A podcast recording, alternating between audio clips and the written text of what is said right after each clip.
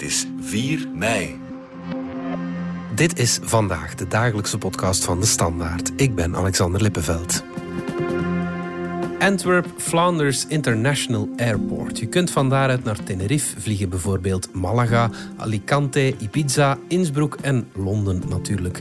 Maar die luchthaven van Deurne kost ons belastingbetalers wel handenvol geld. En nu blijkt diezelfde luchthaven ook nog onbestraft bouwovertredingen te begaan. Wie houdt Deurne zo graag de hand boven het hoofd en waarom?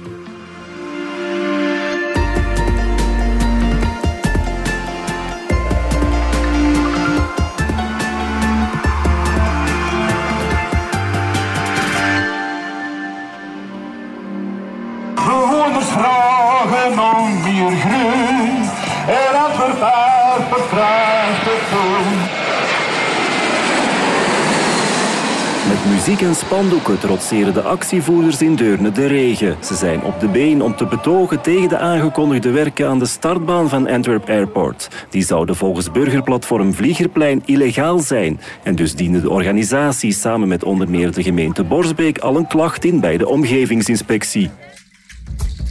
Christophe Meesen van onze binnenlandredactie. Jij verdiep je regelmatig in die regionale luchthaven van Deurne. Ehm, ooit zelf gevlogen van daaruit? Ja, zeker wel. Een drietal keer, eh, als ik het mij goed herinner. Nooit reguliere vluchten. De eerste keer was een luchttoop boven Antwerpen van een twintigtal minuten, denk ik. Eh, toen ik 12 was, 3000 frank kostte dat toen aan mijn ouders. Eh, en nog twee keer een, een persreis naar Hamburg en Tallinn. Ehm, ja, ja, voor mijn huwelijksreis recent naar Londen hebben we toch voor de Eurostar gekozen voor ecologische redenen. Ook al, is die, ook al is die verbinding in Londen sinds kort ook weer actief. Ja, inderdaad. Ja, proficiat eh, met je huwelijk en goede klimaatbewuste keuze. Dat, eh, dat vooral. Ehm, de luchthaven viert deze maand haar honderdste verjaardag. Op het eerste zicht lijkt het niet zo slecht te gaan met Deurne. Hè? Eh, nee, klopt. Ja, er is midden mei een tweedaagse airshow waarmee de luchthaven van Deurne nu haar eeuwfeest gaat vieren. Dat kan onder een, een relatief goed gesternte, zou je kunnen zeggen. Eh, sinds januari is dus die historische verbinding met Londen eh, weer actief na toch een paar jaar stilstand. De luchthaven is de afgelopen jaren nog wel wat eh, gegroeid met nog net voor corona in 2019 nog eh, 306.330 passagiers. De meeste daarvan toeristen en natuurlijk verder nog klassiek de zakenvluchten, de opleidingsvluchten voor de piloten en ook de chartervluchten, de ja, voetbalploegen of zo die ook wel eens daar langs vliegen. En die Ja, luchthaven ja. Die, die zorgt uiteraard ook voor werk voor eh, een driehonderdtal mensen in Antwerpen. Ja, oké, oké, goed. Maar eh, dit weekend bracht het verhaal dat een deel van de luchthaven eigenlijk illegaal is. Vertel eens. Ja, dat is inderdaad eigenlijk al verschillende jaren bezig. Doorheen de jaren zijn er verschillende vaststellingen gedaan van onvergunde werken, zoals dat dan heet. Eh, begint eigenlijk in 2018-19 met een veiligheidsstrook die internationaal verplicht is. En RESA, dat dient ervoor als een vliegtuig problemen zou hebben bij het landen of bij het opstijgen, dat hij zo toch nog net eh, wat ruimte heeft om eh, nergens tegenaan te botsen. Die strook die is ooit aangelegd buiten het oorspronkelijke terrein van de historische luchthaven. En ook de hekken zijn daarmee verzet, zodat het eh, luchthaventerrein eigenlijk uitgebreid is eh, in de richting van een nabijgelegen fort. Later is ook nog in een proces verbaal vastgesteld dat ook een perimeterweg tegen die hekken eh, zonder vergunning is aangelegd. En zo'n perimeterweg dat dient voor de security die dan kan rondrijden om te zien of er niemand wil inbreken enzovoort. Maar het probleem is, het is daar allemaal landbouwgebied officieel. Dus ja, het parket heeft dat dossier, dat PV wel geseponeerd. Dus er wordt op dat vlak voor die perimeterweg bijvoorbeeld momenteel niemand vervolgd. Maar het neemt niet weg dat er wel een PV is. Hè, dat je bijvoorbeeld illegaal een veranda bouwt aan je huis of, of illegaal je voortuin verhardt.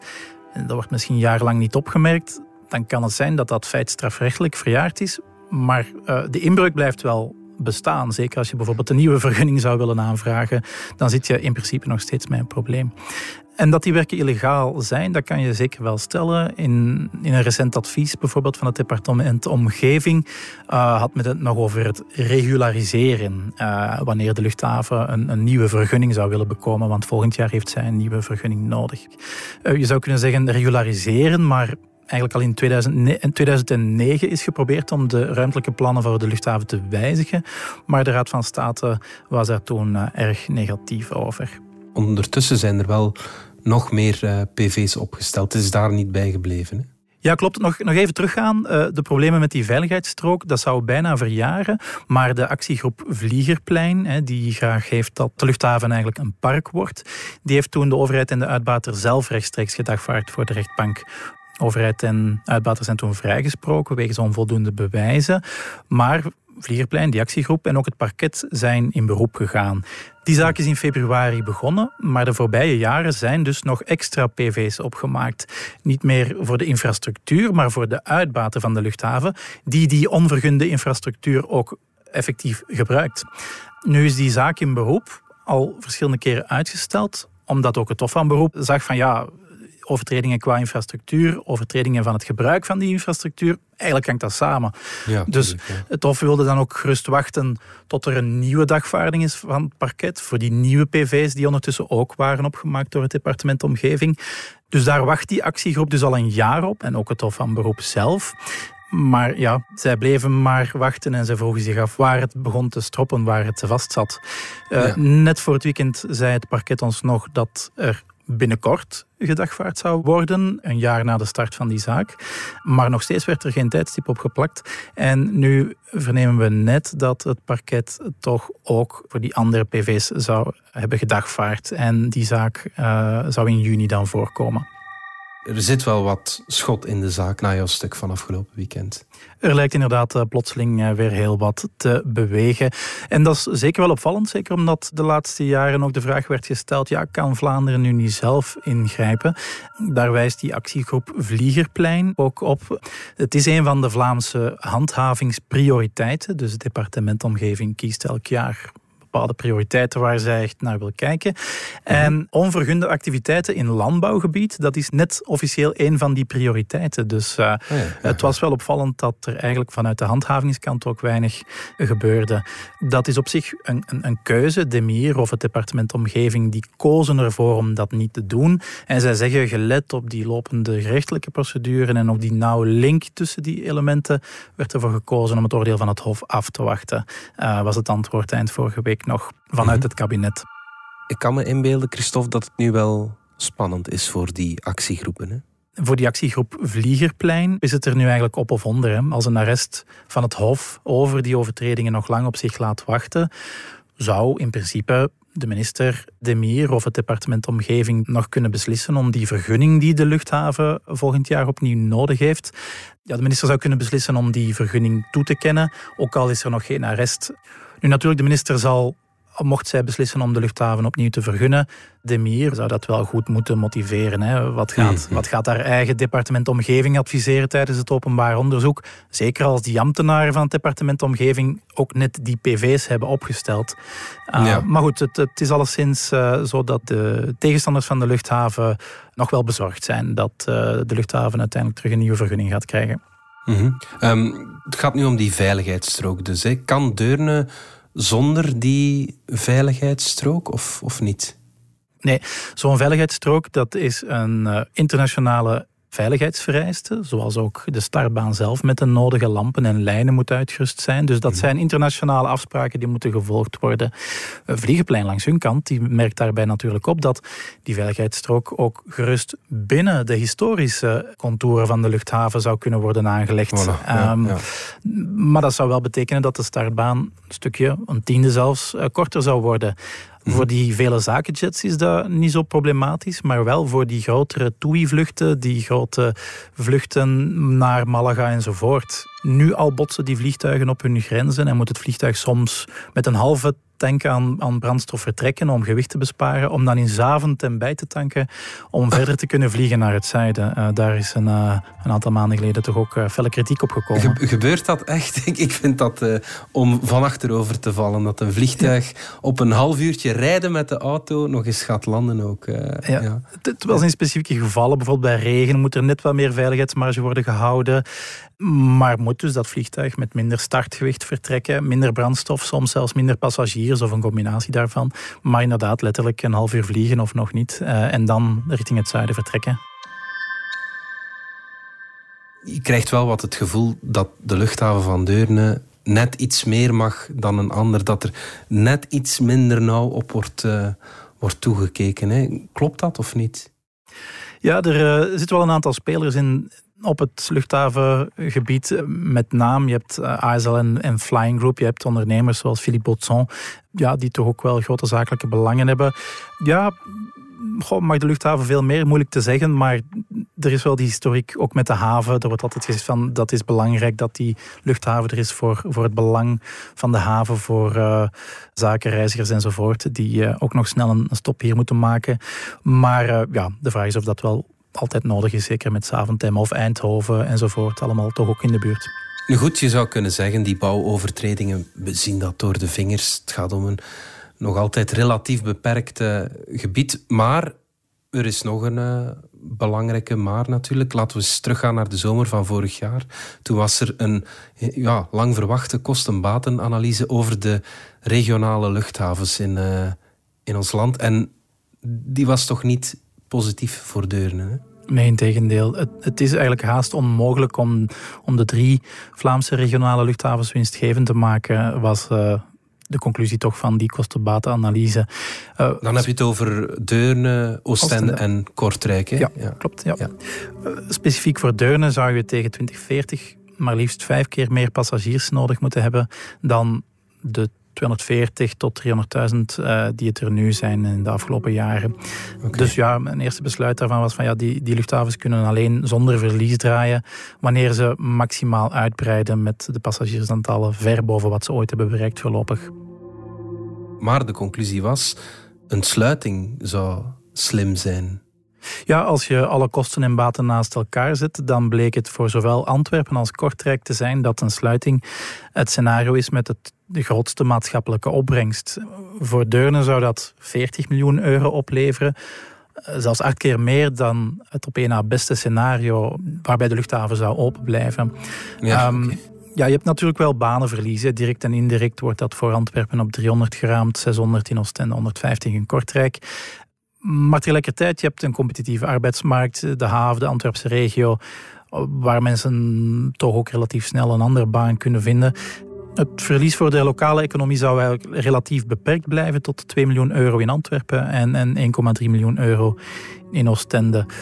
Daartegenover staan natuurlijk winsten op het vlak van luchtkwaliteit, geluidshinder, CO2-uitstoot.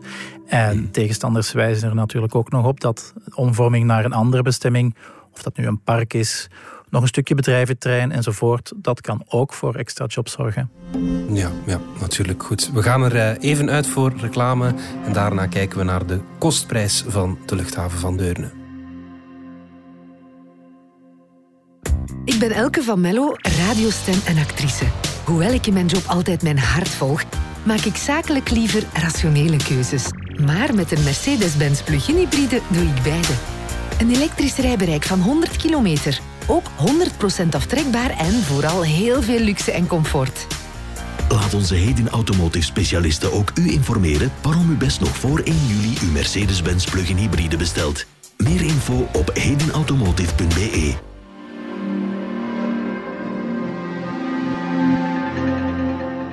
Christophe, we hadden het net over de kostenbatenanalyse van vorige zomer. Zonder subsidies kan Deurne niet overleven. Hè? Wat uh, gaat er per jaar richting Deurne?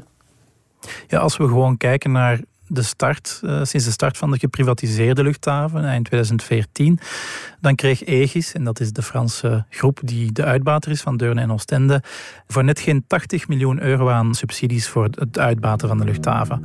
En we blijven dat subsidiëren vanuit Vlaanderen. En voor de periode van 2020 tot 2040 zouden die subsidies volgens die studie die we zo net bespraken voor Oostende nog 120 miljoen euro, voor Antwerpen 79 miljoen en voor Kortrijk 29 miljoen betekenen.